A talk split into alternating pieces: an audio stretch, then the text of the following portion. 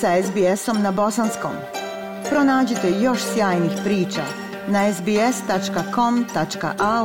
kosacrta bosnijan.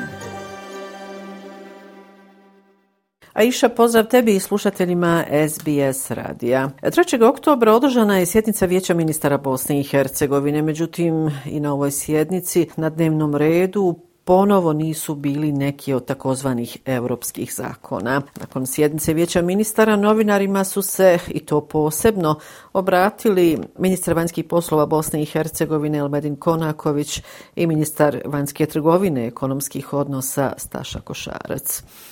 Ministar vanjskih poslova Bosne i Hercegovine Almerin Konaković izjavio je da neki zakoni opet nisu bili na dnevnom redu, ali da će biti uporni i da će oni koji sve blokiraju morati javnosti objasniti neke stvari. Na to sve, ministar vanjske trgovine i ekonomskih odnosa Staša Košarac je kazao da evropski zakoni stoje zbog toga što se ne uvažava mišljenje ministara iz reda srpskog naroda i evo kako je to pojasnio ministar Staša Košarac. Ja očekujem da će rada grupa finalizovati svoj posao. On je dobila predlog SNSD-a, dobila je predlog Republike Srpske. Davno. Mi tražimo suverene partnere iz dijela federacije da donosimo određene odluke. Činimo se da njihov suverenitet gradi američki ambasador Bosne i Hercegovine i da bez njega ne smiju ništa. E, kako sam već rekla Iša, e, posebno se obratio Elmedin Konaković, ministar vanjskih poslova Bosne i Hercegovine nakon ove sjednice vijeća ministara Bosne i Hercegovine, e, koji je kazao da svi evropski zakoni stoje zbog Ustavnog suda Bosne i Hercegovine, te da je zakon o vanjskim poslovima također jedan od njih. Evo, dakle, riječi i e, ministra vanjskih poslova Bosne i Hercegovine Elmedina Konakovića.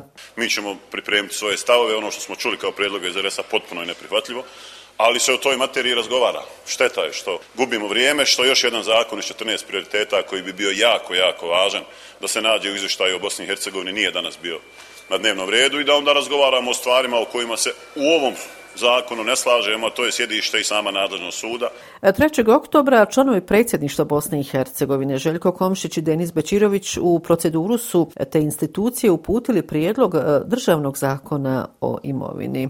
U njihovom prijedlogu se jasno navodi da je vlasnik državne imovine Bosna i Hercegovina, a ne entiteti Republika Srpska i Federacija Bosne i Hercegovine, što znači da treći član predsjedništva Željka Cvijanović za njega neće glasati. Vrlo je moguće i realno očekivati da će kada ovaj prijedlog dođe na dnevni red predsjedništva Bosne i Hercegovine, ona povući i veto kako bi o vitalnom entitetskom interesu odlučivali u Narodnoj skupštini Republike Srpske i u konačnici odbili taj zakon. Bez obzira na to, član predsjedništva Bosne i Hercegovine Denis Bečirović objasnio je da je ovaj državni zakon o imovini veoma bitan i da je riječ o zaista važnom zakonu bez kojeg Bosna i Hercegovina ne može biti suštinski suverena. 4. oktobra zasjedeo i Dom naroda Parlamentarne skupštine Bosne i Hercegovine, dakle samo dan nakon sjednice vijeća ministara Bosne i Hercegovine.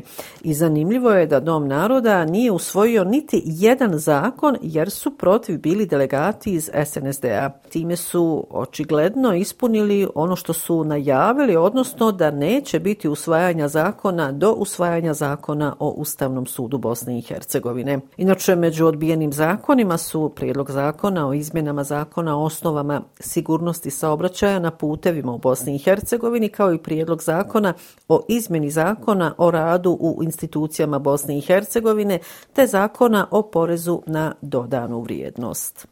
4. i 5. oktobra u Sarajevu je održano šesti digitalni samit Zapadnog Balkana. To je najveći digitalni događaj u regiji. Ministarstvo komunikacija i prometa Bosne i Hercegovine bio je domaćin ovog dvodnevnog šestog digitalnog samita Zapadnog Balkana. Ovaj prestižni događaj okupio je visoke predstavnike vlada i ekonomija sa Zapadnog Balkana, Evropske komisije, kreatore poslovne politike i vodeće stručnjake iz oblasti informacijsko-komunikacijskih tehnologija, digitalne integracije i transformacije. Inače, kroz raznovrsne panel diskusije i konferencijske sesije tokom dvodnevnog samita pružio se na neki način dublji uvid u najnovije trendove i izazove digitalnog svijeta.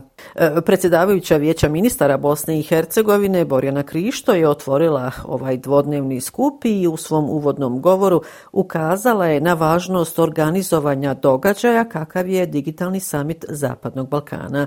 Poslušajte šta je pred ostalog rekla predsjedavajuća vijeća ministara Bosne i Hercegovine Borjana Krišto. Bosna i Hercegovina i zemlje Zapadnog Balkana imaju ogroman potencijal.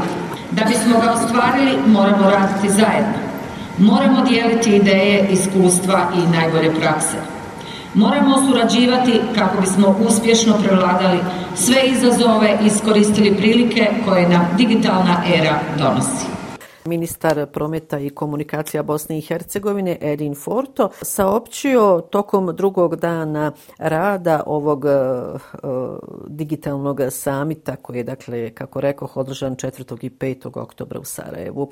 Dakle, Edin Forto je kazao kako je ovo ministarstvo poduzelo određene aktivnosti na digitalizaciji takozvanih CIPS potvrda, a olakšanje u ovom smislu već bi trebali osjetiti građani u Federaciji Bosne i Hercegovine tokom 2024. godine. Konkretno, Edin Forto je rekao da od polovine iduće godine građani u Federaciji Bosne i Hercegovine neće morati donositi CIPS prijavu u bilo koju banku. Probat ćemo to uraditi i u Republici Srpskoj, kazao je ministar prometa i komunikacija Bosne i Hercegovine Edin Forto. To je informacija o kojoj se već e, dugo dugo špekulisalo, a evo, konačno se, tako su i mediji prenijeli, E, desilo 4. oktobra. Naime, e, toga dana vlada Federacije Bosne i Hercegovine smijenila je na sjednici u Sarajevu upravni i nadzorni odbor kliničko-univerzitetskog centra u Sarajevu i imenovala nove. I to je upravo jedan od preduvjeta da bude smijenjena i uprava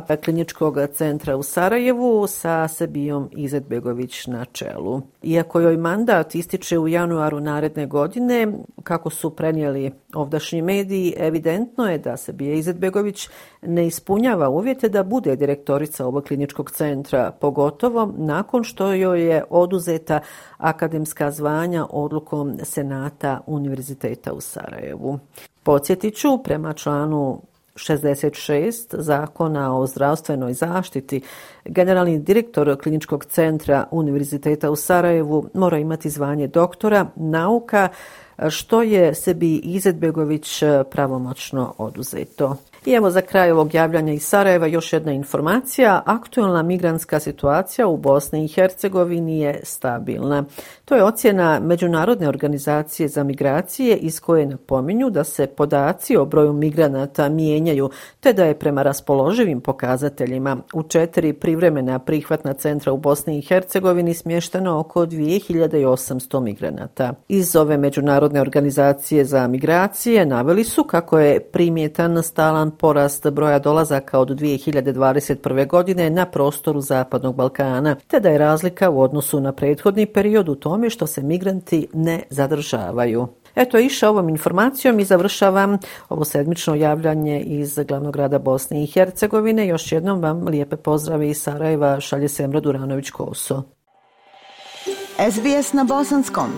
Podijelite naše priče preko Facebooka. Želite poslušati još ovakvih priča? Slušajte preko Apple podcasta, Google podcasta, Spotify ili kako god da primate svoje podcastove.